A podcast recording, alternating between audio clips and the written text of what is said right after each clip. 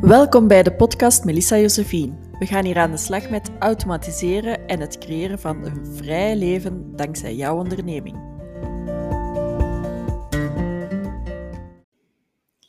Hallo, vandaag neem ik de eerste aflevering op voor mijn Melissa Josephine podcast. Welkom alvast. En waarover ga ik het hebben in deze podcast? Wel, ik ga het voornamelijk hebben over automatiseren, maar ook hoe je een vrij leven creëert dankzij jouw onderneming. Vandaag ga ik kort mezelf voorstellen en daarna ook vertellen waarom heb ik gekozen om, het, om een podcast te maken. Wel, ik ben Melissa en ik woon in Peru. Dat is al uh, een kleine verrassing waarschijnlijk. Um, hier zit een heel verhaal achter dat ik gerust nu even zal vertellen. Tien jaar geleden vertrok ik voor twee jaar naar Peru om te werken voor de Belgische ontwikkelingssamenwerking um, in het stadje Ayacucho. Nu denk je, ja, maar hoe ben je tot zo'n beslissing gekomen aan je 24 jaar? Wel, ik had uh, een paar jaar eerder eigenlijk een moeilijk moment, want ik studeerde, studeerde af als burgerlijk ingenieur. Maar ik had eigenlijk helemaal geen zin om aan het werk te gaan als burgerlijk ingenieur. Dus toen uh, begon ik na te denken, wat ga ik in godsnaam wel doen? En gezien ik al eerder naar Latijns-Amerika had gereisd, uh, in dit geval Mexico en Guatemala, wou ik eigenlijk iets studeren waardoor ik echt mensen zou kunnen gaan helpen liefst in Latijns-Amerika. Zo kwam ik bij een studie voor tropisch bodembeheer terecht bij de faculteit Bio-ingenieurswetenschappen. En die studie was gewoon zalig. Voor de eerste keer studeerde ik zonder probleem voor alle vakken, omdat ik het gewoon interessant vond. Dus twee jaar verder studeerde ik ook af als bio-ingenieur en ondertussen had ik ook heel het proces doorlopen om met de Belgische ontwikkelingssamenwerking voor twee jaar naar het buitenland te kunnen vertrekken. Het toeval wou dat ik werd geselecteerd om naar Peru te vertrekken, dus terug naar Latijns-Amerika. Daar was ik natuurlijk super blij mee, maar het was ook super spannend, want ja, je vertrekt gewoon voor twee jaar naar het buitenland zonder goed te weten wat je exact moet verwachten. Daar aangekomen uh, bleek de job niet exact wat ik ervan had verwacht, maar al de rest van Peru vond ik zo geweldig dat ik uh, ja, gewoon verliefd werd op het land. Natuurlijk is Peru ook niet perfect. Geen enkel land in mijn uh, mening is perfect.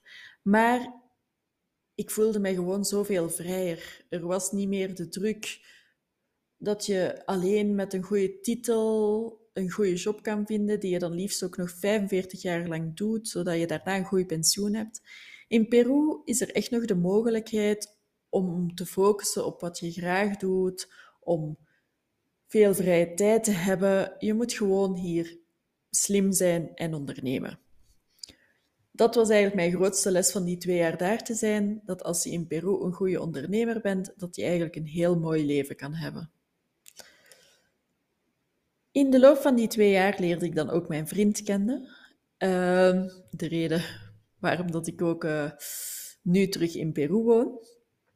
Daardoor bleef ik ook nog een jaartje langer in Peru hangen, uh, totdat helaas mijn mama ziek werd en ik besloot van ja, nee, ik wil toch voor een tijdje terug naar België ehm, en dan zien we wel.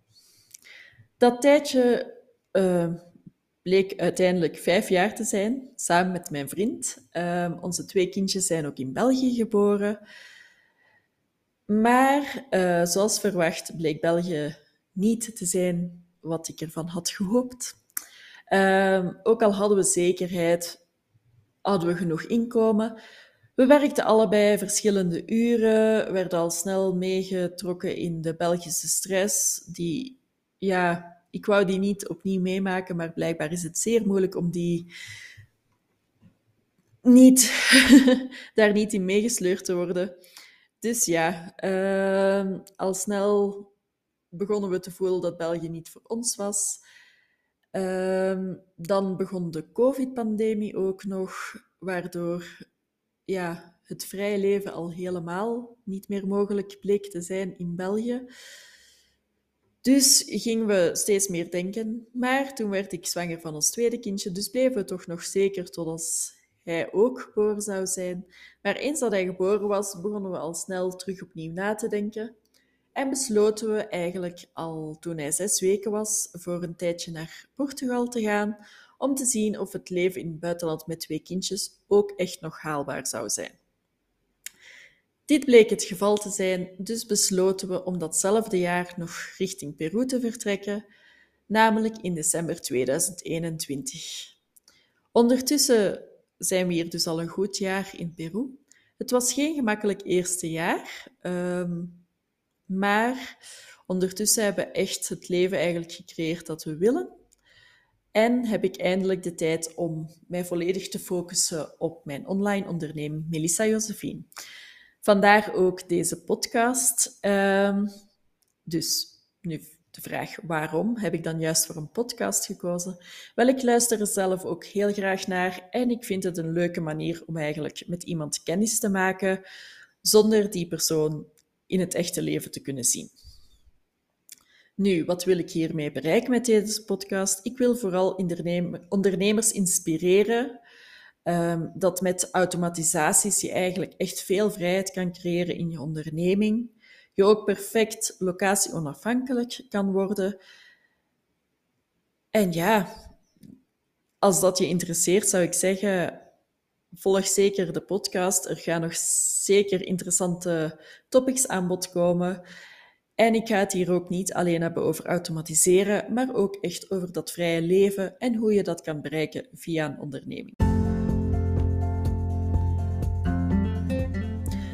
Zo, dat was de eerste aflevering. Hopelijk vond je het interessant.